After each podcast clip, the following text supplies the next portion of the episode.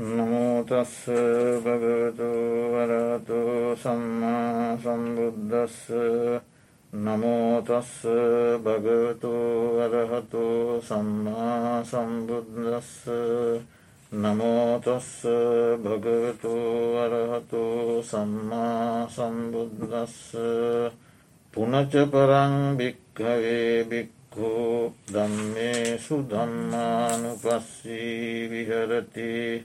චසු අජ්ජත්තික බාහිරේසු ආයතනේසු කතංච පන භික්හවේ භික්හු දම්මේසු දම්මානු පස්සී විහරති චසු අජ්ජත්තික බාහිරේසු ආයතනේසු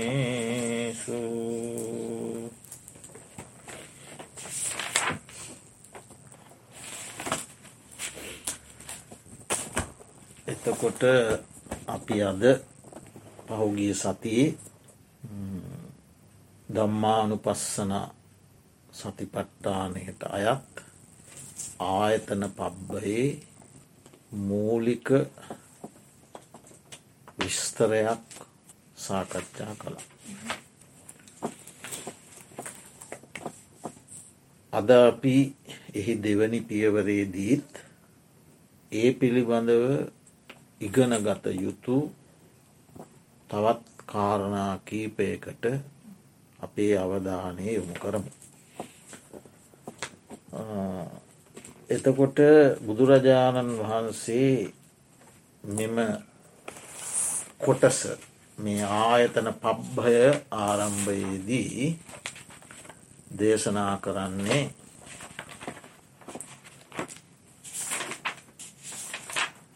මහනෙන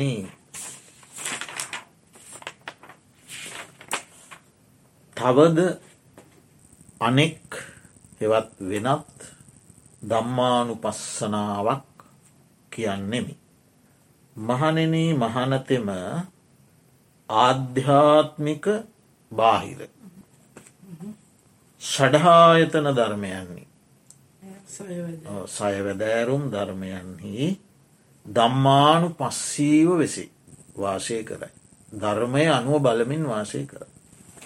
මහනෙන මහනතෙම කෙසේ නම් ආධ්‍යාත්මික බාහිර ෂඩහායතන ධර්මයන්හි ධර්මයෙහි ධර්මය අනුව බලමින් වාසය කරන්නේ දෙයක්.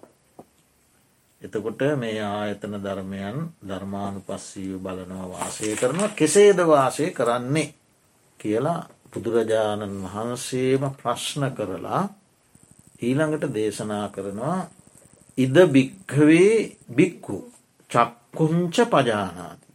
රූපේච පජානාති.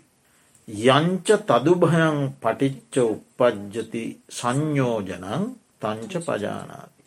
යතාච අනුපන්නස්ස සංයෝජනස්ස උපාදෝ හෝති තංච පජානාති.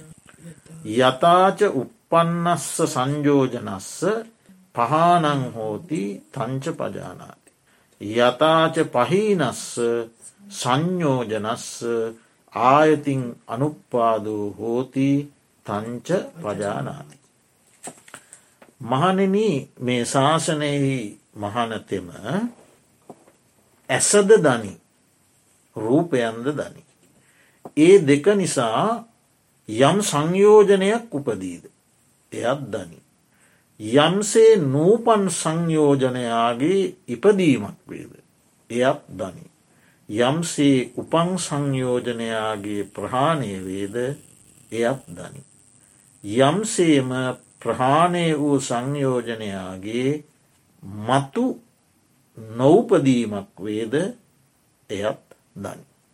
එතකොට ඒ විදිහට මේ ඉන්ද්‍රිය හයයි ආයතන හයයි කියන්නේ අජ්ජත්තික ආයතන හයයි බාහිරායතන හයයි. ඇස කන නාසය දිව කය මනස. රූප සබ්ද ගන්ධ රස ඉස්පර්ශ දම්. හරි අජ්ජත්තික හයයි බාහිර හයයි. මේ දෙක නිසා එතකොට දැන්වන්න භික්‍ෂුව දන්නවා අජ්ජත්තික හායතන හයත් දන්නවා. දන්නවා ගැන නුවනින් දන්නවා. ඇස දන්නවා කණ නාසේ දිවකයි මනස. බාහිරායතන හයත් නුවනින් දන්න දැනගන්න. ඒ දෙකම නුවනින් දැනගන්න. ඒ දෙක නිසා ඇසත් රූපත් නිසා. යම් සංයෝජනයක් උපදිනවනං ඒ සංයෝජනයක් දන්න. මේ ඇසයි රූපයි නිසා මෙහෙම සංයෝජනයක් උපදින. නෑ නෑ. සංයෝජනයක් කියන්නේ සංයෝජන කියන්නේ යොදවනවා සසර බඳිනවා බැඳ තබනවා. සංයෝජන. ඒ දෙකාතර බන්ධනය. ඒකත් දන්නවා. ඒ දෙක අතර බැඳීම බැම්ම එකට යෙදීම එකතු කිරීම. එකතු කිරීම බැඳීම බැම්ම කියන විවිධාර්ථ තියෙනවා. ඇසයි රූපයයි. හරි? ඒ දෙක සංයෝජනය කරනවා බඳිනවා. එකතු කරනවා. සම්බන්ධ කරනවා. ඒ සම්බන්ධවීමෙන් ඒකට බැඳීමෙන් තමයි ඔක්කෝම හටගන්න කාමරාග පටිග ඒව සේරම හටගන්න. ඉති සංයෝජන පස්සේ අපි සාකච්ඡා කරනවා. දැනට මතක තියගන්න මේ දෙක අතර එක බැඳීමෙන් තමයි අනිත් සංයෝජන මේම හටගන්න. කාමරාගේ හටගන්නේ ව්‍යාපාදය හටගන්නේ. මෙම හටගන්න මේ දෙක සම්බන්ධවීම සංයෝජනය වීම හරි? ඔ දස සංයෝජන. අපි යන අපිට පතාව එහාට කතා කරන ඒන්නේ මේ ඇහැට රූපය දැක්ක ගමන් ඒත එතට එකතු වෙන එකටද කියන්නේ ඕ ඇසයි රූප සං අපි එක ඉදිරියට කතා කරනවා. දැන් දැනට මතක තියාගන්න ඇසයි රූපය සංයෝජනය වීම බැඳීම. කණයි ශබ්දයි සංයෝජනය වීම බැඳීම එකතුව. නාසයයි ගඳ සුවදයි දිවයි රසයි කයයි පහසයි මනසයි සිදුවිලි. එතකොට දැන් ඔන්න භික්‍ෂුව දන්නවා ඇසනුවනින් දන්නවා රූපයත් නුවනින් දන්නවා. ඒ දෙක නිසා යම් බැඳීමක් යම් සංයෝජනයක් එතුර සංයෝජන ගොඩක් පස්සෙ කතා කරනවා දැනට මතක තියන මේ දෙක නිසා තම සංයෝජන හටගන්න. ඇසයි රූපය නිසා සංයෝජන හටගන්න. කණයි ශබ්දය නිසා සංයෝජන හටගන්න. නාසයයි ගන්ධය නිසා සංයෝජන හටගන්න. දිවයි රසයි නිසා සංයෝජන හටගන්න. කයයි පහසයි නිසා සංයෝජන හටගන්න. මනසයි සිතුවිලි නිසා සංයෝජන හටගන්න. එතවට භික්‍ෂුව දැන් මේ ඉන්ද්‍රියත් දන්නවා අරමුණුත් දන්නවා ඒද නිසා හටගන්න සංයෝජනත් දන්න. නුවනින් දන්නවා සංයෝජනත් දන්නවා. එතකොට නූපන්නා වූ සංයෝජන ඉපදීමක් වේද. ඒ උපදින ආකාරයක් දන්න. දැම් මේ සංයෝජනය ඉපදිලා නෑ මේ නිසා උපදිනවා. නූපන් සංයෝජනයන්ගේ ඉපදීම දන්න. ඉපදීම දන්න. මේ මේ හේතු නිසා සංයෝජනය කියන්නේ දැනට ඉපදිලා නැති සංයෝජන මේ මේ හේතු නිසා උපදිනවා. කියල දන්න. දැනට ඉපදිලානෑ නමුත් මේ මේ හේතු නිසා උපදිනවයි කියන එක දන්න. හරි. උපං සංයෝජන මේ මේ හේතු නිසා ප්‍රහාණය වෙනවා කියලත් දන්න. මේ මේ හේතුව නිසා සංයෝජන ප්‍රහාණය වෙනවා කියලා දන්න. එතවට එතැන ප්‍රහාණය කියලා කියන්නේ තදංග වික්කම්බන සම්පූර්ණ ප්‍රහාණය නෙමේ යටපත්වීම. එතකොට ප්‍රහාණය වුණ යටපත් වන තදංග වික්කම්බන වශයෙන් යට වුණ ඒ සංයෝජන මතු කවදාකවත් නූපදිනාකාරයෙන් ප්‍රහාණය කළ හැකි ඒ කරන්න මෙසේ කියලත් දන්න. සමුච්චේද සමුච්චේද. එතකොට දැන් ඔන්න ඉන්ද්‍රිය හය දන්නවා නුවනින් අරමුණු හය නුවනින් දන්නවා ඇව ස්වභාවේ නුවනින් දන්නවා. ඒවාගේ එකතුව නිසා එකතුව දන්නවා ඒවාගේ සංයෝජනය දන්නවා. ඒ සංයෝජනය එකතුවීම නිසා මේ මේ මේ මේ සංයෝජන උපදිනවය කියල දන්න. සංයෝජන දහයක් අපි පස්සෙ කතා කරනවා. මේ එකතුව නිසා මේ මේ විදිේ සංයෝජන උපදිනවා කියලා එයා දන්න. හරිද තොට ඉන්ද්‍රිය දන්නවා අරමුණු දන්නවා ඒ දෙක එකතුවීමෙන් මේ මේ සංයෝජන උපදිනවා කියලා දන්න. නූපන් සංයෝජන උපදින ආකාරය දන්න. උපන් සංයෝජන ප්‍රහාණය කරන ආකාරය දන්න.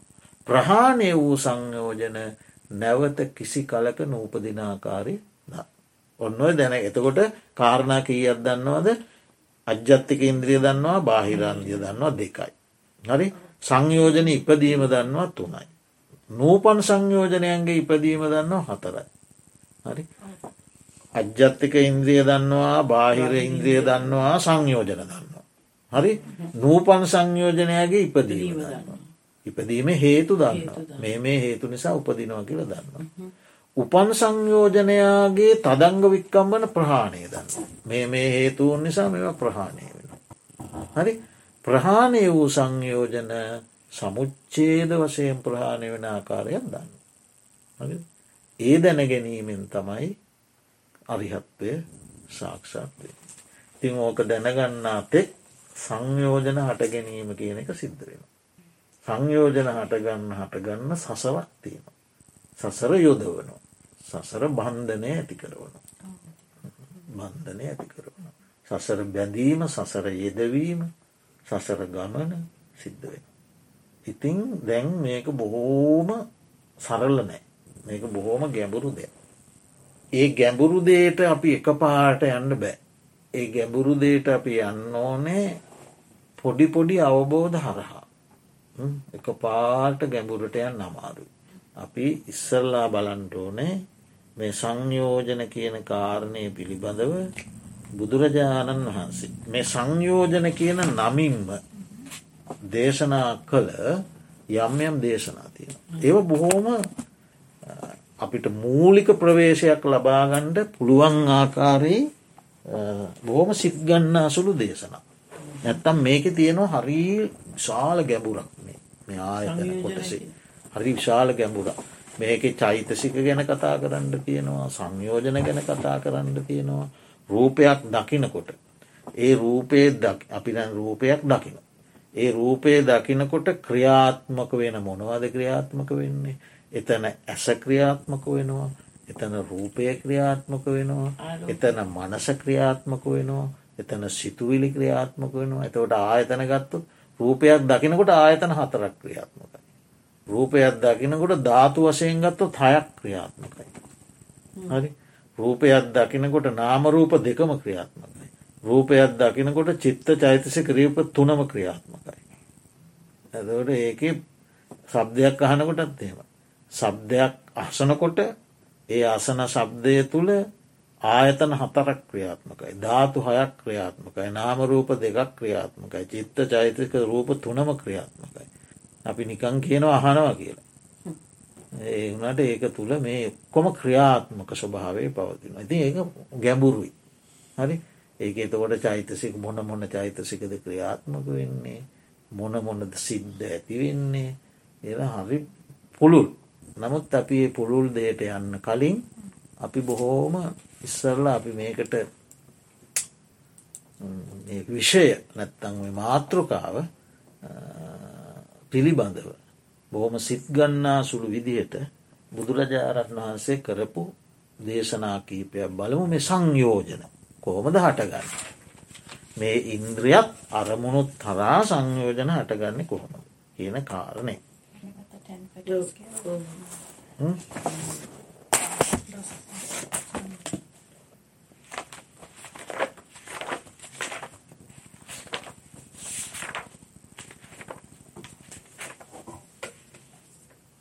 ඔන්න බුදුරජාණන් වහන්සේ දේශනා කරනවා සංයෝජන කියලම නමින්ම සූත්‍රයක් සංයෝජන සූත්‍රය. එතන දේශනා කරනවා මහනෙන සංයෝජනයන්ට හිත වූ දහම්ද සංයෝජනද දේශනා කරන්නේ. එතවන එත දෙකක් මේ දේශනා කරන්න. සංයෝජනයන්ට හිත වූ දහම් සහ සංයෝජන. තෝට හිත වූ දහම් එකක් සංයෝජන තව එක. සංයෝජනයන්ට හිත වූ දහම් යන්න හටගන්නට උපකාරව හටගන්නට උපකාර වන දහම්. හරි ඊළඟට සංයෝජන තව එක. සංයෝජනයට හිත වූ දහම්ද දේශනා කරන්නෙමේ සංයෝජනද දේශනා කරන්නේ. දෙකක් නිතවට. ඒ අසව්. මහනෙන සංයෝජනයන්ට හිත වූ දහම් කවරේද. සංයෝජන කවරේද. මහනෙන ඇස සංයෝජනයන්ට හිත දහමකි. ඇස සංයෝජනයක් නෙවෙයි. සංයෝජනයන්ට හිත දහම. සංයෝජනයට හිත දහම. සංයෝජනයක් නෙවෙයි. හරි. එහි යම් චන්දරාගයක් වේ නම් එය එහි සංයෝජනය. තෝට ඇස කියන්නේ සංයෝජනයක් නෙමෙයි. සංයෝජනයන් ඇතිවීමට උපකාරවන දහම. හරිද ඒ ඇස පිළිබඳ යම් චන්දරාගයක් තියෙනවනං ඒක තමයි සංයෝජනය. ඇස ඇස සංයෝජනයට හිත දහම. හරිද? චන්ද රාගේ තමයි සංයෝජනය. එතකොට යම් කෙනෙක් ඇස කෙරෙහි චන්දරාගෙන් මිදුනන එයට සංයෝජනයන්න ඇසක් තියෙනවා.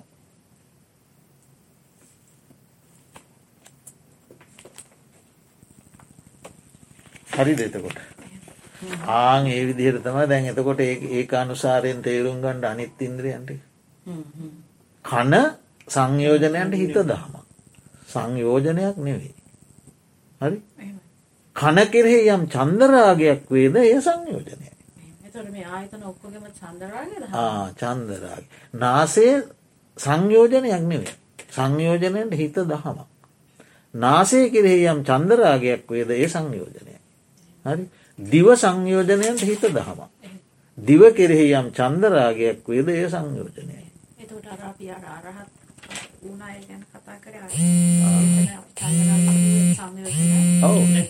චන්දරාගේ දුරු කරනවත් එක්කම සංයෝජන ප්‍රහාණ එතකොට උන්වහන්සේලාට ඇසක් තියෙනවා. කනක් තියෙනවා. නාසයක් තියෙනවා. දිවක් තියෙනවා. කයක් තියෙනවා. මනසක් තියෙනවා රූපත් පේනවා සද්දත් ඇහෙනවා කඳ සුවඳත් දැනෙනවා රසත් දැනෙනවා පහසත් දැනෙනවා සිතුවිලිත් දැනෙනවා චන්දරාග නෑ නිදිලා හරි එතකොට එතකොට දැ ඉන්ද්‍රිය කියලා කියන්නේ සංයෝජනයට හිත දහම් සංයෝජන නෙවේ ඉතින් කවුරහරි මේ ඇහැ ගලවලා අයින් කරන්න උත්සාහ කරත් ඒක වැරදි. ඇහි ඇහැ කෙරෙහි තියෙන චන්දරාගේ අහින් කරන්න. ඒක තමයි ධර්මයේ ඉගැන්වෙන සාර්ථක ක්‍රමය.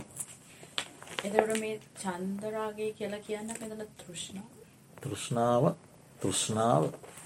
තෘෂ්ණාවට නම් සීයක් තියෙනවා තෘෂ්ණාව ඇලීම ඔක්කොමනේ. තෘෂ්ණාවට නම් සීයක් තියෙන චන්දරාග කියන එක දෙකට බෙදලගත්තු චන්ද කියන්නේ කැමැත්ත. රාග කියන්න ඇලීම. කැමැත්තෙන් ඇලීම කැමැත්තෙන් ඇලීම යන තෘෂ්ණාවතම නන්දි කියලා කියනවා තෘෂ්ණාවට.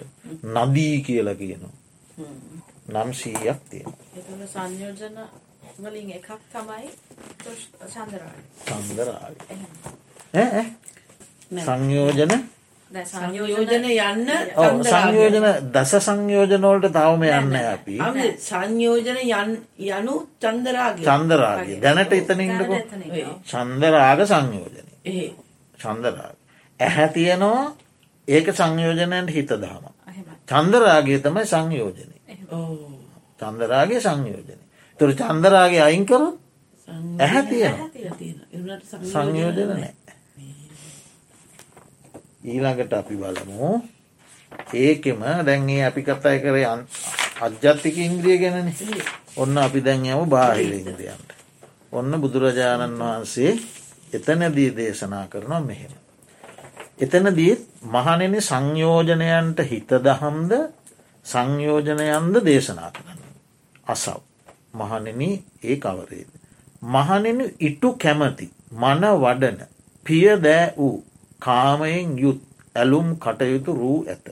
අයිකැන්මකදද මහනෙන මේ ලෝකයේ තියෙනවා ප්‍රිය තමා කැමති වෙන. තමා තුළ මනාප බව ඇති කරන. කැමැත්ත ප්‍රිය මනාප කැමතිවන ඇලීමට සුදුසු. ඇලීම ඇති කරවන ඇල්ම ඇති කරවන ප්‍රිය මනාප රූපතිය නොමේ. ඇසට විශේවන ඇසට ගෝචරවන ප්‍රිය මනාප කැමැත්ත ඇති කරන ඇල්ම ඇති කරන රූපතියනවා. මේ රූප සංයෝජන නෙවෙයි. මේ රූප කියලා ගැන්න සංයෝජනයන්ට හිත දහම්. හිත දහම්. එහි යම් චන්දරාගයක් වේ නම් එය එහි සංයෝජනයයි. රහතන් වහන්සේලා රහතන් වහන්සේ නමක් ඉන්නවා කියමුකු අපි ගෝල් පේසිකි එහෙම ඉන්න අපි ඉන්නවයි කියමුකු ඉති හිටියට රහතන් වහන්සේට එක ප්‍රශ්නයක් නෙවෙයි. ඇයි රහතන් වහන්සේට ඒව පිළිබඳ චන්දරා ගැන්නේ ඇහැ ගලවලත් නෑන රහතන් වහන්සේ හැතියෙනවා. එතකොට කොච්චර ප්‍රියමනාප රූප ලෝකයේ තිබුණත් ඒ ප්‍රියමනාප රූප සංයෝජන නෙවේ. සංයෝජනයන්ට හිත දහම්. ඒ දහම් කෙරෙහි යම් චන්දරාගයක් වේද ඒ තමා සංයෝජනය කලින් එක අජ්‍යත්තික මේක බාහි.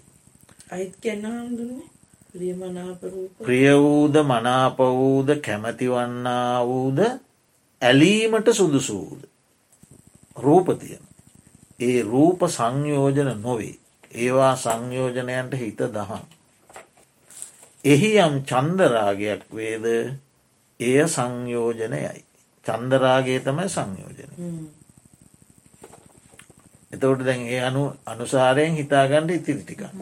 හරි රබ්ද ගන්ධ රස ස්පරස සිතුවිලි. ඒවා සංයෝජනයන්ට හිත දහම්. චන්දරාගේ තමයි සංයෝජන. තැන් ඊළඟට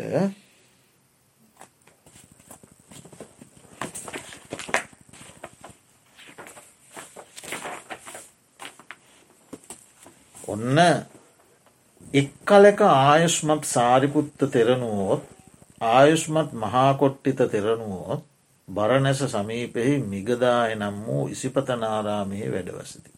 එකල්ලි ආයුෂ්මත් මහාකොට්ටිත තෙරණුවෝ සවස් කල විවේකයෙන් නැගී සිටි සේක්. ආයුෂ්මත් සැරියුත් තෙරණුවන් වෙත එළඹියහ.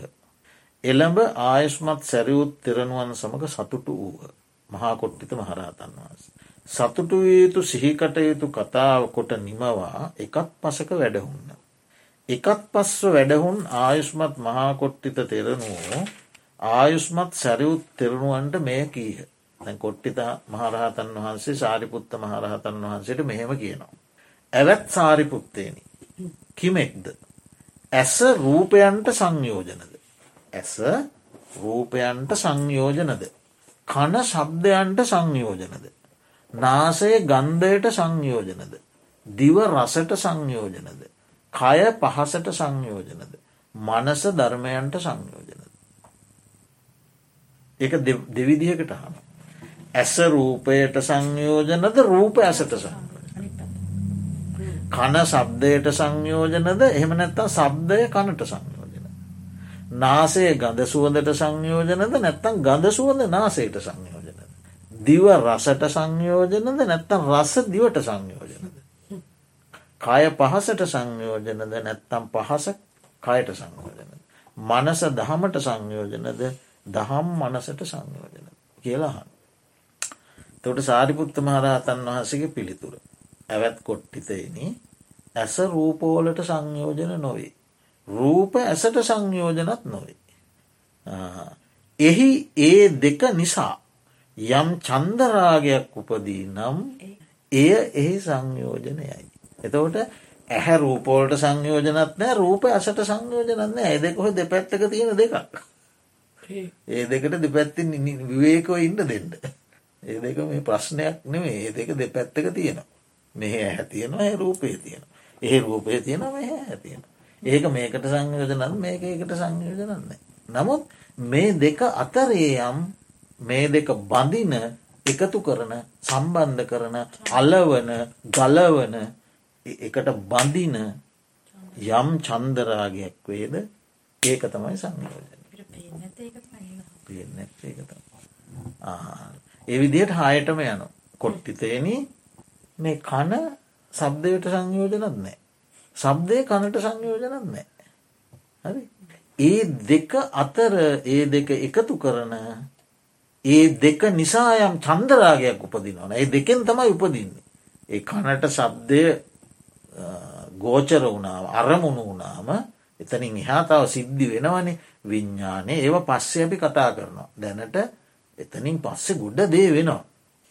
කන්නට සබ්දය අරමුණු වනාම විඤ්ඥාන ඉපදීම වේදනා ඉපදීම හඳුනා ගැනීම ඉපදීම චේතනා ඉපදීම විතක්ක ඉපදීම ඔොම්මා කොච්චර තියෙනවද. ඒවා ඒකයි මංකිව මුලදිම මේක හරි ගැඹුරුයි කියලා. දැනට මේක මෙහෙම මතකරයන්න. එතකට කන සබ්දයට සංයෝජනන්න සබ්ද කනට සංයෝජනයද.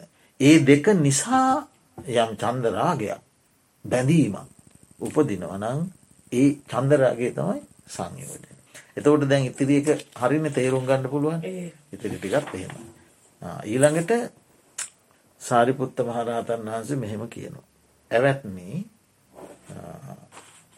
යම් ආකාරයකින් කළුගොනෙකුත් සුදුගොනෙකුත් එක් දම්වැලකින් හෝ බැම්මකින් ලනුවකින් කියීමකු. කළුගොනයි සුදුගොන එක දම්වැලකින් හෝ එක යොතකින් එක කඹයකින් ඈදනවා දෙන්න මෙහෙම ඈදනවා කළුගුණයි සුදුගුණයි ඔය ඒ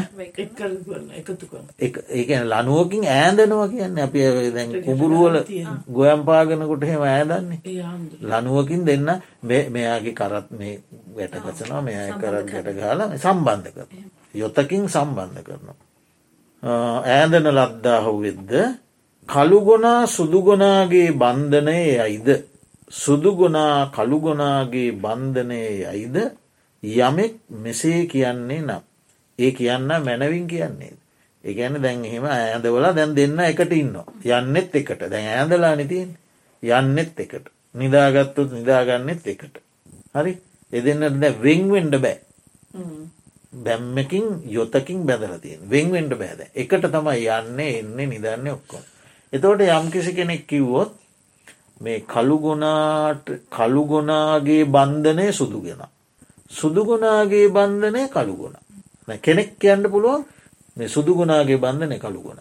තව කෙනෙකුට කියන්න පුළුවන් නෑ නෑ කළුගුණාගේ බන්ධනය සුදුගුණ. දෙන්නෙකුට දෙවිදිහකට කියන්න පුළුව. ඒක හරිද කියලාහන්. එතකොට කොට්ටිත මහරතන් වහන්සික නොයක එහෙම කියන එක හරිනෑ ඒ නොවේමයි. ඒක එහෙම වෙන්න. ඇවැත්නි කළුගොනා සුදුගොනාගේ බන්ධනය නොවේ. සුදුගොනා කළුගොනාගේ බන්ධනයක් නොවේ. යම් එක දමකින් එක දම්වැලකින් එක ලනුවකින් කඹයකින් ඔහු ඈඳන ලද්දාහුද. එය එහි බන්ධනය. ඔවු. ඒක ඒක තමයි. සුදුගුණා කළුගුණාගේ වැදු වන්නම කළුගුණා සුදුගුණාගේ වැදු වන්නමේ ඒ දෙන්න එකට බැඳලා තියෙන ලනුව තමයි බන්ධන කියන හාමුදුරන්නේ චන්දරාගෙන ඔවු. ඒ දෙන්න එකට බැඳලා තියෙන ලනුව තමයි බන්ධනේ. හොඳ යම් කෙනෙක් මේ ලනුව කැපුවොත්. ඉවරයි. බන්ධන ඉවරයි. ලනුව කැපුයම් පස දෙන්න කැමති කැමති දිහාකටයයි නේද? දැන් ලනුවෙන් බැඳලා ඉන්න තාක්කල් මේ දෙන්නට එකම තැනකට යන්න බෑන්. දෙන්න එකට කන්න ඕන එකට නිදන්න ඕනේ එක තැන ඉන්න ඕනේ බන්ධනයත් එක් මෙලනුව කැපුවෙන් පස්සේ මේ දෙන්න නිදහස්. එතෝට ඒ දෙන්න අතර තියෙන ඒ කළුගොනාගේ සුදුගොනාගේ බන්ධනය තියෙන්නේ ලනුවේ මිස දෙන්නගේ නෙවෙයි. ලනුවයි බැඳීම. ඇවැත්නි අන්න ඒ වගේ තමයි. ඇස රූපයට සංයෝජන නෙවෙයි. රූපය ඇසට සංයෝජනත් නෙවෙයි. කන සබ්දයට සංයෝජනත් නෙවෙයි. සබ්දය කනට සංයෝජනත් නෙවෙයි. නාසේ ගන්ධයට සංයෝජනත් නෙවෙයි. ගන්ධේ නාසයට සංයෝජනත් නෙවෙයි. දිව රසට සංයෝජනත් නෙවෙයි. රස දිවට සංයෝජනත් නෙවෙයි. කය පහසට සංයෝජනත් නෙවෙයි. පහස කයට සංයෝජනත් නොවේ. මනස දහමට සංයෝජනත් නෙවේ. දහම මනසට සංයෝජනත් නොවේ. ඒ දෙක අතර යම් චන්දරාගයක් වේද ඒ චන්දරාගේ සංයෝජන. අන්න එතනදී තමයි සාරිපුත්ත මහරහතන් වහන්සේ දේශනා කරන්න මං එදා හෙවපුස් කාරණය මං හෙව්වේ කියන්න ඕන කියල ඔන්න එතෙන්දි දේශනා කරනවා මෙහෙම ඒ දේශනාව අවසාන කොටස. ඇවැත්නි මෙහෙම මේ දෙකන මේ සංයෝජන මේ දෙක අතර තියෙන චන්දරාගිය. හරි ඇවැත්නි භාග්‍යවතුන් වහන්සේට ඇස ඇත්මයි. භාග්‍යවතුන් වහන්සේ ඇසෙන් රූ දකිති. භාග්‍යවතුන් වහන්සේට චන්දරාගයක් නැත. භාග්‍යවතුන් වහන්සේ මැනවින් මිදුණු සිත් ඇතිසේ. ඇවැත්නි භාග්‍යවතුන් වහන්සේට දිව ඇත්මය දිව තියෙනවා. භාග්‍යවතුන් වහන්සේ දිවින් රස විඳිති. අපිට වගේ බුදුරජාණන් වහන්සේටත් මේ මිරිස් රස තුන පහ රස දැන. සීනි රස සීනි වැඩි. එතවට හම්දනේ මොකත් සංකල්පෙන් නැතුව තින නෑ චන්දරාගයක් නෑ. දැනෙනවා. දිවට රස දැනෙනවා. බුදුරජාණන් වහන්සේ බුදුරජාණන් වහන්සේ කියන්න පුළුවන් ආ මේ ආනන්ද මේක සීනි වැඩීන කියලා. එහෙම කියන්න පුළුවන් රයක නැත්ත හරිවෙනන්නේ දිවට රසද විඤ්ඥානයක් තියෙනවානේ. භාග්‍යවතුන් වහන්සේට දිව ඇත්මය. දිව ඇත්මය. භාග්‍යවතුන් වහන්සේ දිවින් රස විඳිති. භාග්‍යවතුන් වහන්සේට චන්දරාගයක් නැත. භාග්‍යවතුන් වහන්සේ මැනවින් නිදුුණු සිත් ඇතිසේක. ඒ විදියට බුදුරජාණන් වහන්සට සිතත් තියෙනවා. කයත් තියෙන කයට පහසත් දැනෙනවා. උණුසුමත් දැන්නවා. සීතලත් දැනෙනවා. දැන් කොහෙද විශාලා මහනුවර බුදුරජාණන් වහන්සේ සීත කාලයේ වැඩ ඉන්නකොට බුදුරජාණන් වහ සීතල දැනුණා මොකක් දෙක්තරා චෛත්‍යයක් අභියස ඉන්නකොට ඒ වාසස්ථානය වැඩවාසය කළේ බුදුරජාණන් වහන්සේ පාන්දර නැගිට එලියටාව සීතලයි. ඊට පස්සේ බුදුරජාණන් වහන්සේ ගිහිල්ල තව සිවුරක් ගෙනල සිවුරු දෙකක් එකට අල්ලලා පොරෝගත්තා. ටිකක් සීතල අඩු වෙලා මද වෙලා කෙනකට අයත් සීතල. තත් බුදුරජාණන් තව සිවුරක් ගෙන. සිවුරු තුනක් පෙරෝග. එතවට සීතල අඩුවන. ඉතින් බුදුරජාණන් වහන්සේ කල්පනා කලා මේ භික්‍ෂූන් වහන්සේටත් මට වගේම සීතල දැනෙනවා. ඒලත් දෙපට සිවුරක් අනු දැනවදාලා. හරිද තනිපට සිවුරයි සිවුරුපටවල් දෙකක් එකට අල්ලලා මහපු දෙපට සිවුරයි. එතවට සිවුරු තුනයි. ඒ සිවුරු තුන තුන් සිවුර අත් පස තබා ගන්න කිව. අත් පස මෙම අත අත දිගු කලාම ගණ්ඩ පුළුවන් දුර තබා ගණ්ඩුන අත් පසකින්. හරිද දෙපට සිවරනතුව ගමයි යන්න එපාකිව. හරි දෙපට සිවුර රැගෙන යන්ඩුවන්. ඒ පාරිශරික අවශ්‍යතා. ඒ ඇයි බුදුරජාණන් වහන්සට කාය තියනවා. බුදුරජාණන් වහන්සේ සීතල දැනෙනවා. බුදුරජාණන් වහන්සේ උණුසුමත් දැනෙනවා. බුදුරජාණන් වහයට බඩගින්නත් දැනෙනවා. බුදුරජාණන් වහන්සට පිපාසයක් දැනෙනවා. හැබැයි බුදුරජාණන් වහන්සේට චන්දරාගයක් නෑ. චන්දරාගේ ප්‍රහාණය කරලා. අන්න ඒකයි සැරියුත් මහරහතන් වහන්සේ මෙතෙන්දි දේශනා කළ. අපි හිතාගෙන බුදුරජාණන් වහන්සට මෙ මොකක්වත් දැනෙන්නේ ඔක්කොම ඇස ප්‍රහාණය කරලා කියලන ද අපි අර පොතේ තියෙනන ඇස ප්‍රහාණය කළ යුතුයි කියලා එතෝට කෙලින්ම හිතන්න මේ ඇස ප්‍රහාණය ඇස නෙමේ ප්‍රහාණය කරන්න ඇස කෙරෙහි චන්දරාගේ ප්‍රහාණය කරන්න මොකුත්න චන්දරාගේ ප්‍රහාණ තෘෂ්ණාව තෘෂ්ණාව දුකට මුල්ලනි හරිද චන්දරාගයන තෘෂ්ණාවයි චතුරාර්ය සත්‍ය දේශනාවේ දුක දුක්කාරය සත්‍යය. දුක්ක සමුදයාර්ය සත්‍යයන තෘෂ්ණාව. තර චන්දරාගයන තෘෂ්ණාවයි. තෘෂ්ණාව ප්‍රහාණය කරනවත් කියන්නේ දුක උපදින හේතුව ප්‍රහාණය කරලා. දුකනෑ. හරි එහෙම නැතුව මේ ඇස කන්න මේ ශරීරය මේම ප්‍රහාණය කිරීම නෙවේ. චන්දරාග ප්‍රහාණය නැතන් තෘෂ්ණා ප්‍රහාණය තන්නහා මුළුවනින්ම සිඳල දැම්ම. දුකින් මිදුනා. එතකොට ඊළඟට අපියමු හරිම බොහෝම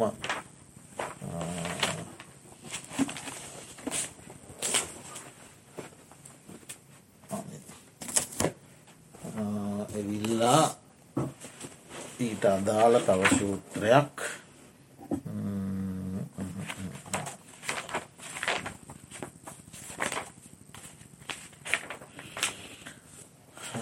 තියෙනවා.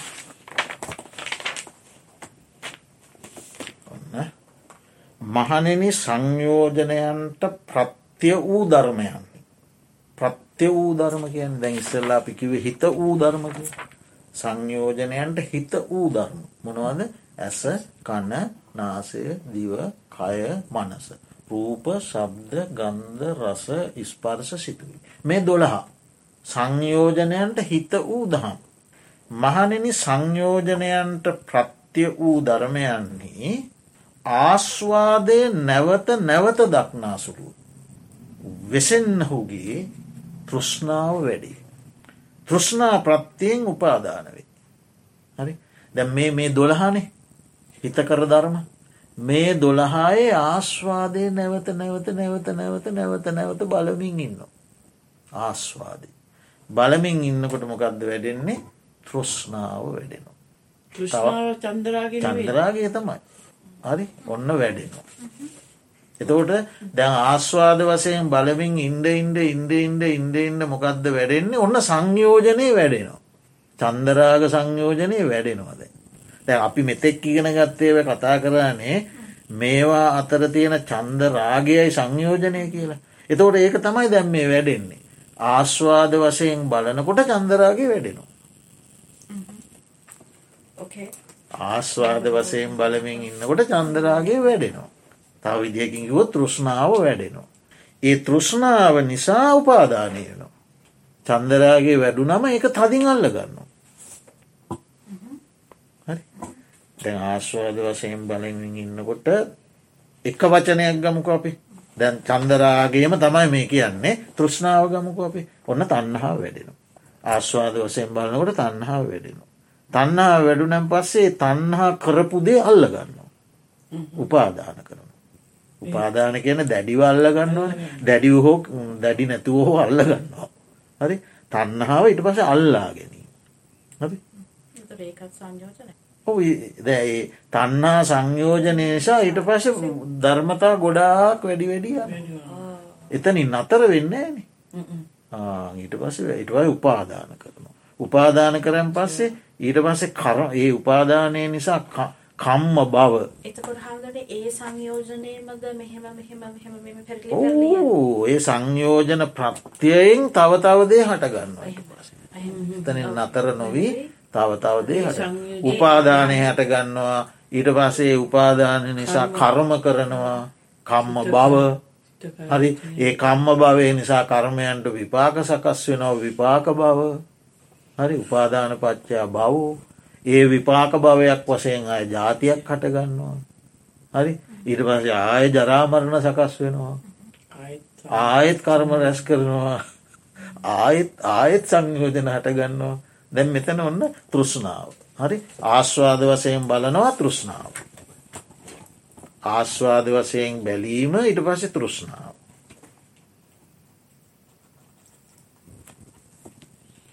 තෘෂ්ණාව නිසා උපාදාන. උපාදාන නිසා බව. බව නිසා හට ගැන්ම ජාති. ජාති නිසා ආපව් ජරාමරණ සෝක පරිදේව දුක්ක දෝමනස්ස උපායාසා ඔක්කොම. ජාතිය නිසා ඊට පස් ඉපදුනා. ඉපදීම නිසා දිරාපත්වීම ලෙඩවීම මැරීම සෝකයේ පරිදේවේ දුක දෝමනස්ස උපායාස. සංයෝජනය ඊට පස්සේ ඔන්න සසර යුදවදා යුදවදා චන්දරාගේ ලේසින ඇතුවට යොද යොදා යොද යොදා නැවත රයියන. හරි? ඒ ආස්වාද වසයෙන් බැලීම එතකොට. ඒ ඔක්කෝටම මුල එතකොට මේ මේ ඉන්ද්‍රිය හයත් අර රූපාදී අරමුණු හයත් කෙරෙහි ආස්වාද වසයෙන් බලන. බුදුරජාණන් වහන්සේකට උපමාවක් පෙන්වන. මහනෙන යම්සේ තෙලක් නිසා වැටියත් නිසා. තෙල් පහනක් දැල්වෙන්නේ. පහන දැල්වෙනවා. තෙලුයි වැටියයින පහන දැල්වීමට පහන තෙල් වැටිය. දැල්වෙන්නේද. පුරුසේ කලින් කල එහි තෙල් බහන්නේද. කලින් කළ දානවත් තෙල්. වැටිය සකස් කරන්නේද. මහනෙන මෙසේ ඒ තෙල් පහන. ඒ ආහාර ඇත්තේ මොන ආහාරද. තෙල් සහ වැටිය සකස් කිරීම.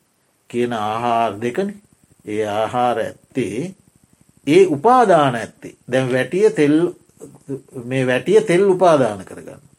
වැටියට තෙල් උරනවා කියන උපාදාන කරගන්න. හරි ඒ උපාදාන ඇත්තේ බොහෝ දිගු කලක් දිලෙන්නේ. තෙල්දානවා වැටිය සකස් කරනවා තෙල්දානවා වැටිය සකස් කරන. ඒ සකස් කරන්න සකස් කරන්න තෙල් දාණ්ඩ දාන්ඩ වැටිය තෙල් උපාදාන කරගෙන බොහෝ කලක් දිලෙනවා. ඒ වගේ කියන මේවා ආස්වාද වසයෙන් බැලීම තෙල් දානවා වගේ වැඩ වැටිය සකස් කරනවා වගේ වැඩ. හරි තෙල් දම දමා වැටිය සකස් කරනවා බොහෝ කලක් ඉතින් ඉදිරියට යනවා. ඒක තමයි ලෝක සත්වය කරන්නේ. අපි කවුරුත් ලෝක සත්වයක් කරමින් ඉන්න ඒක තමයි. ඒ ඒ ඒක තුළ තමයි ඔය ජාතික ප්‍රශ්නය අර ප්‍රශ්නය අයිස් ප්‍රශ්නය ඔක්කෝ තියන්නේ ඕක තමයි තියන වාක්ස්වාදයයි ට්‍රස්කිවාදය ලෙනින්වාදයයි ස්ටලින්වාදයයි ඔක්කොම තියන්නේ ඕක තම. වැටිය සකස් කරනවා තෙල් දානවා වැටිය සකස් කරනවා තෙල් දානවා. ඉතින් සංයෝජන හටගන්නවා දුවනවා. ඊළඟට බුදුරජාණන් වහන්සේ දේශනා කරනවා මහනිනි මේ සංයෝජන ධර්මයන්නේ එක ඇන අර දොළහා. දෝසය නැවත නැවත දක්නාසුළු එකන එක ආදීනුව බලන ඔන්න තව කෙනෙ. හරි මේක මහත් ආදීනුව සහිතයි. මේක සසර දිගින් දිගට ගෙනියන තත්ත්වයක්. කියලා ආදීනව නැවත නැවත දක්නා සුළුව වාසය කරන්න හුගේ තුෂ්නාව නිරුද්ධ වේ. අනිත් නතොට තෘෂ්ණාව නිරුද්ධ වේ තෘෂ්ණා නිරෝධයෙන් උපාදාන නිරෝධය වේ. උපාදාන නිරෝධනම් බව නිරෝධ. බව නිරෝධනම් ජාතිය නිරෝධ. සෝක පරිදේව දුක්කද මනස්ස පායාස නිරෝධ. නිරුජ්ජන්ති. නිරෝධෝ හෝති. එතවට ප්‍රශ්නය ඉදිරියට ගෙනියනවද නැද්ද කියන කාරණය තීරණය වෙන්නේ කාරණත් දෙකක් මද. ඒ කරුණු දෙක මතයි සියල්ල තියන්නේ තීරණය ආශ්වාද වසයෙන් බැලීමෙන් සෝක පරිදේව දුක්ක දෝමන සුපායාස ආදීනව වසයෙන් බැලීමෙන් සෝක පරිදේව දුක්ක දෝමන සුපාහයාසයන්ගෙන් මිදීයාම. තකොට මෙන්න තියෙනවා සසර ගෙනියන මඟ මෙන්න සසර නිරුද්ධ කරන මඟ මාර්ග දෙකයි තියෙන. සසර වඩන මඟ සසර සසරින් මිදෙන මඟ. වඩන මගක් තියෙනවා මිදෙන මගත් තියෙන. ආශ්වාද වැසයෙන් බැලීම වඩන මඟ ආදීනෝ වසයෙන් බැලීම නිරුද්ධ කරන කැමතිකත් තෝරග කැමතික ලෝකයට තෝරගන්න පුල හමුදුරන්නේ දැන් ඔය දැන් මේ ප්‍රශ්නය මම දැන් YouTube එක මේ දෙකම බලනවා. සමහර හාමුදුරුවරු ඉන්නවා මේ ප්‍රශ්නවලට මේ ජාතික ප්‍රශ්නවලට කිසිම ඉන්වෝල්මන්ට් ගන්න කියන්නේ ඒගොල්ලා අර විදිහටම භාවනා කරලා ධර්ම සාකච්ඡා කරනවා. එතකොට අපේ හිතට එනවා අපි නොදැනුවත්ම කොහොමද මේ සද්ධර්මය පවතින්නේ කියන. එතකොට එහෙම ඒක ආත්මහතකාමී හැඟීමකින් කරනවද නෑනේ නේද. ඒ දෙපැත්ත බැලීම තමයි. මෙහෙමයි. ඔය යම්කිසි සමාජයක ආකූල ව්‍යාකූල තත්ත්වයන් ඇති වුණාම විශේෂයෙන් සංගහා අතර බිඳුන ස්වභාවයන් ඇති වුණාම ඒක භාවනා වඩන්නට හෙවත් ප්‍රධන්වීරිය වඩන්නට නුසුදුසු කාලයක් කියල බුදුහාන්දුරුව දේශනා කළ. නුසුදුසු කාලයක් කියන්නේ වචන නැමති මුව නැමති සැතින් මුකය නැමති ආයුදයෙන් මුකය නැමති ආයුදයෙන් ඔවුනොවුන්ට පහරදිමින් මහා සංගරත්නය නානා ප්‍රකාර විදිහ බෙදීම් වලට ලක් වෙලා තියෙනකොට භික්‍ෂුවකට ප්‍රධන්වීරයේ වඩන්ට අපහසු. පහසුනෑ ඒක ප්‍රධන්වීරිය වඩන්ට නොකල් පහෙන් එක කියලා බුදුහාදුරු දේශනා කළා. ඉතිං ඒ අවස්ථාවලදී ඒ තත්ත්වයන් සමනය කරගණ්ඩ පුළුවන්නම් ගොඩාක් හොඳයි.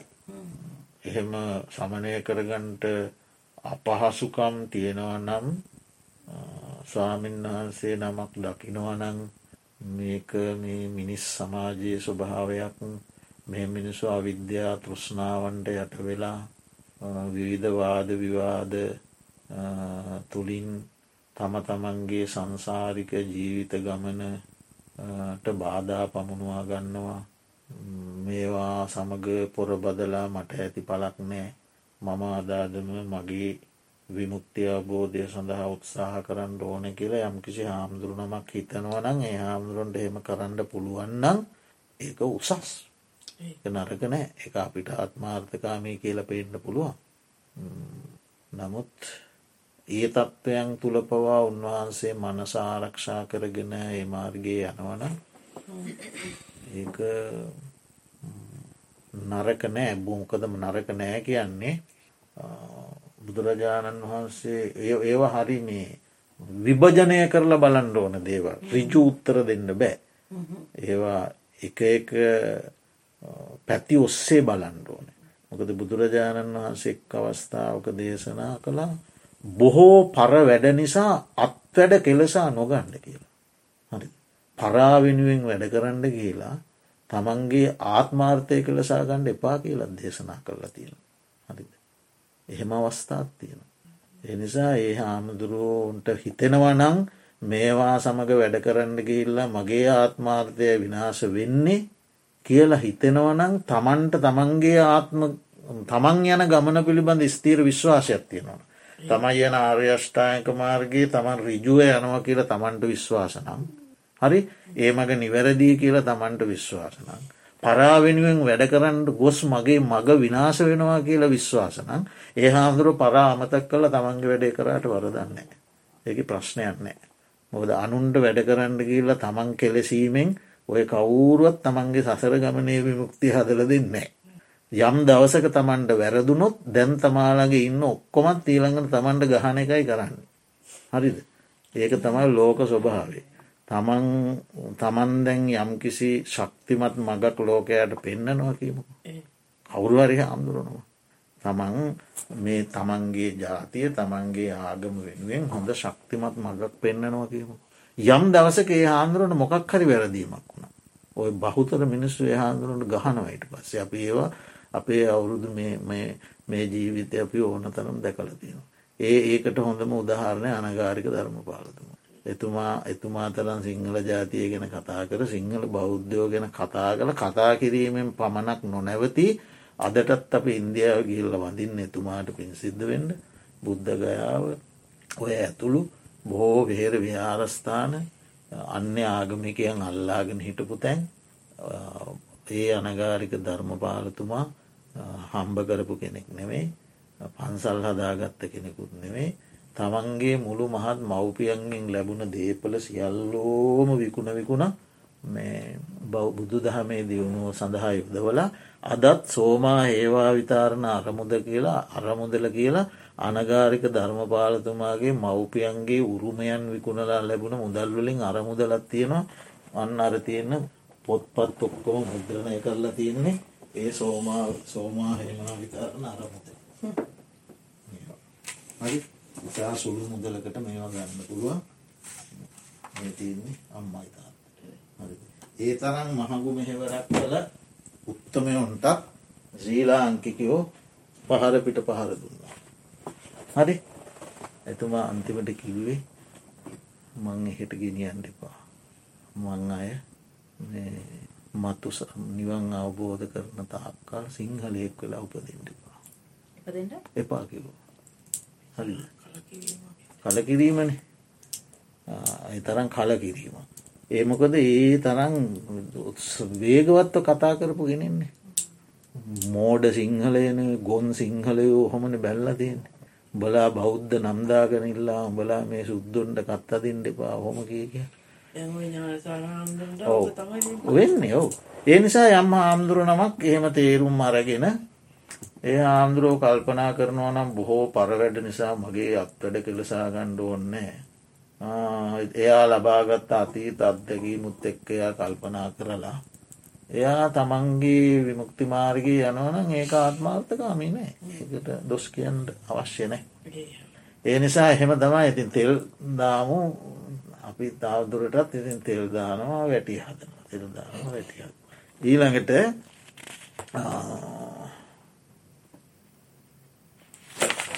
ඊළඟට බුදුරජාණන් වහන්සේ දේශනා කරනවා මෙහෙම.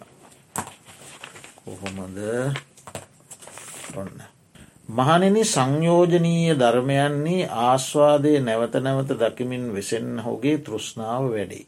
තෘෂ්ණා ප්‍රත්තියෙන් උපාදානය වී අර විදිහට තමයි ඇ එහෙම දේශනා කරලා ඊට පස්සේ පැහැදිලි කරනවා මහනෙන යම්කේ යම්සේ තරුණ රුකක් වේද තරුණ තරුණ ගහක් රුකක් වේද.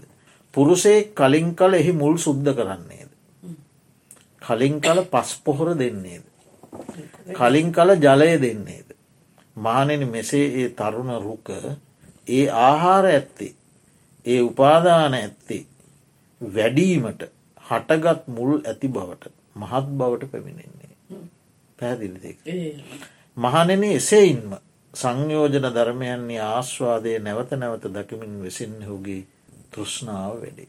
තෘෂ්ණා ප්‍රත්තියෙන් උපාදාන උපාදාන පච්චයෙන් බව භවපත්තියෙන් ජාති ජාති ජලාමරණ සෝක පරිදහෙම වැඩෙනවා. එමෙන්ම මහනන්නේ සංයෝජන ධර්මයන්නේ ආදීනවේ නැවත නැවත දක්නා සුලෝ බෙහෙස් වෙසෙනකොට තෘෂ්ණාව නිරුද්ධ එදට උපාදාන හෙම නිරුද්ධ වෙනවා. මහන්නේ යම්සේ තරුණ රුකක් වේද. එකල්හි පුරුෂයෙක් උදැල්ලක් හා පැසක් ගෙන එන්නේ. හෙතෙ මේ ඒ රුක මුල් සිඳින්නේ. මුල් සිඳ හාත් පස සාරන්නේ. හාත් පස සාරා යටත් පිරිසයෙන් සුවඳ හොට මුල් පමණ වූද මුල් උදුරන්නේ. සුවඳ හොට මුල් ස්ථාන සියුම් ඒව පවා උදුරනවා. හෙතමේ ඒ රුක කඩ කඩකොට සිඳින්නේ. කඩ කඩකොට සිඳ පලන්නේ. පලා කැබලි කැබලි කරන්නේ. කැබලි කැබලිකොට අවු සුළගෙහි වියලන්නේ. කැබලි කැබලි කරල වියලන අවසුළගේ වියලන. අවසුළගේ වියල්ලා ගින්නෙහි දවන්නේ. ගින්නෙන් දවා හලු කරන්නේ. හලුකොට මහා සුළගේ හෝ පොලා හරින්නේ. සුළඟට පොලා හරිනවා අලු ටික. සැඩ පහර ඇති ගගෙහි හෝ පහකොට හරින්නේ. එක ගාගවා කරලා. මහනිනි මෙසේ ඒ තරුණ රුක උදුරාලන ලද මුල් ඇත්තේ. හිස සුන් කරන ලද තල් රුකක් මෙන් කරන ලද්දේ. තල්ගහක හිස සින්ද වගේ කරා. නැවත නොවැඩෙන බවට පමුණුවන ලද්දේ. මතු නූපදනා ස්වභා ඇත්තේ වෙන්නේ. එසයින්ම සංයෝජන ධර්මයන්නේ ආදීනොවේ නැවත නැවත දක්නාසුළුව වසන්න හුගේ තෘෂ්ණාව නිරුද්ධ වේ. තෘෂ්ණා නිරෝධයෙන් උපාදාන නිරෝධ වේ. උපාදාන නිරෝධයෙන් බව නිරෝධ වේ. මෙම කොම නිරුද්ධ වෙලා ගහක මුල් ගලවලා සුවඳ හොට තරම් මුලත් තියෙනන ඒකත් ගලවලා කැබලිවලට කපල කැබලිවලට කපලා ඊට පස්සේ සිදලලා පලලා වියලලා දවලා අලු කරලා සුළගේ හෝ ගගේ හෝ පා කරලා අරිනවාගේ දැක්කි.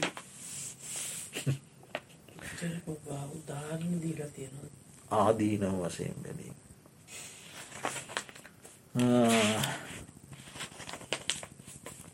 එහෙම තමයි. ඉතින් එහෙම දේශනා තියෙන බුදුරජාණන් දැ ඒ හැම තැනම සංයෝජන එකක් වසයෙන් අරන් තියන්නේ මොකක්ද චන්දරා පස්සෙ තමයි අපි ඔන් දැනට අපි මතක තියාගණ්ඩ ඕන රූ ඇස තියෙනවා රූපය තියෙනවා ආශ්වාද වසයෙන් බැලීමක් තියෙනවා ආදීන වසයෙන් බැලීම. ආශ්වාද වැසීම් බලෙන් චන්දරාග සංයෝජනය. චන්දරාගේ නිසා උපාදානය. උපාදාන නිසා භවය. භවය නිසා ජාතිය. ජාතිය නිසා ජරාමරණ එහෙම යනවා. ඊනගට තව එක සූත්‍රයක් තියෙනවා ඒකත් සාකච්ඡා කරලා අද දැ ඕ කිය ඕ කියල දෙන මතකද? ටිකක් කරි මතකට මතක දැකට හාමුදුරනේ අර කලින් කිව්වේ අපි පස්සේ ගෙන ගන්නවා කියලා දස සංයෝජන ඒවා එකක් චන්දරාගය ඇවිල්ලා ඒ දස සංයෝජන ඒ චන්ද රාගය මුල් කොටගෙන හට ගන්නවා. ඒ චන්දරාගයක් තියෙනවා සංයෝජන සූත්‍ර දේශනාවල දෙවිදිහකට තියෙනවා කාමරාග පටිගනේ සක්කායදිට විචකිච්චා ශීලබ්බත පරාමාස කාමරාග පරිසිකර උපරාග රූපරාග මාන උද්දච්ච විද්‍යා කියලා එදහය වෙනව තියෙන. තව විදිහකට දේශනා කරන දහයකුත් තියෙන. ඔන්න බුදුරජාණන් වහන්සේ දේශනා කරනවා මහනෙන මේ ධර්මයෝ දෙදෙනෙකි. කවර දෙදෙනෙකු දයා. දසවිධ සංයෝජනයන්ට ප්‍රත්‍ය වූ. අපි දැම්ම පොඩ්ඩකට කලින්කිවේ දස සංයෝජන. ඒ දස සංයෝජනයන්ට ප්‍රත්‍ය වූ කාරණ වූ හේතු වූ උපකාර වූ. ඔන්න දැන් දස සංයෝජනයන්ට හේතුවන ප්‍රත්තිවන උපකාර වන ත්‍රයිභූමික ධර්මයන් විසෙහි ආස්වාද විසින් බලන සුළු බවකුත් වේනම්. හරි දැන් ඒකින් කියන්න මොකක්ද මේ ත්‍රයිභූමික ධර්ම කියන කාම රූප අරූප භූමි තුනක් තියෙනවනේ කාම භූමිය රූප භූමිය අරූප භූමි. ඒ භූමි තුනෙහි තියෙන ධර්මයන් තියෙනවන. ඒ මුළු ලෝකේම ඔය භූමි තුනට නෑති ලෝකෝත්තර භූමි අරුණකොට. කාම රූප අරූප ලෝකෝත්තරනි භූමි අතර ලෝකෝත්තර ගැන් නිවන්නනේ නිර්වාණ වූ ඒක නෑ තවට කාම රූප අරූප. මේ භූමිත්‍රය භූමිත්‍රය තුළ තියෙන මේ භූමි තුන තිල තියෙන ධර්ම තියෙනවන් ඒ ධර්ම මොනුවන් නෙම මේ රූප ශබ්ද ගන්දරද ස්පර්ශනය ඔය භූමිතුනේ තියෙන්නේ ඔය භූමිතිනේ තියෙන සියලූම ධර්ම ගොඩවල් පහකට ගැව්වොත් තියෙන්නේ රූප ගොඩකුයි සබ්ද ගොඩකුයි ගන්ධ ගොඩකුයි රස ගොඩකුයි ස්පර්ශ ගොඩ. හරි එතකොට ඒ ත්‍රයිභූමික ධර්මය භූමි තුනට අයත් ධර්මය. ඒවා තමයි සංයෝජනයට ප්‍රත්‍ය වන ධර්ම. හරි සංයෝජන නෙමේ. ඒ භූමි තුනේ තියෙන ධර්ම සහ ඒවත් ප්‍රත්‍යය වෙනවා. හේතු වෙනවා. අන්නේ ධර්මයන් ආස්වාද වසයෙන් බලන සුළු බවකුත් වේද. ඔන්න එක ධර්මය බුදුහාන්දුර මෙතන කියන ධර්මයෝ දෙදෙනෙක් තියෙනවා කිය. මොකද ධර්මයෝ දෙදෙනා ත්‍රයිමූමි සංයෝජනයන්ට ප්‍රත්‍ය වූ භූමිතුනෙහි අයිති ධර්ම. සංයෝජනයන්ට ප්‍රත්‍ය වූ භූමිතුනට අයත් ධර්ම තියෙනවනේ. ඒවා කෙරේ ආශ්වාද වසයෙන් බැලීම ඔන්න එකක්.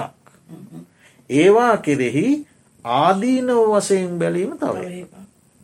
හෙවත් කලකිරීම් වසයෙන් බලන්න නිබ්බිධානු පස්සන. කලකිරීම් වසේ. ආස්වාද වසයෙන් බැලීමක් තියෙනවා කලකිරීම් වසයෙන් බැලීමක් තියෙන. ඔය ගොඩවල් දෙකේ අපි උක්කොමින් ලෝක සත්වය ගොඩවල් දෙකින් එහෙක ඉන්නේ. අ දෙවනි ගොඩේ නං ඉන්නේ කෝටි සංඛ්‍යාත ජනකායකට එක්කනෙක් වගේ බූම කලාතුරකින් කෙනෙක් ඉන්න පුළුවන්. ඔක්කොම ඉන්න මේ ගොඩේ. එතකොට එහෙම තියෙනවා.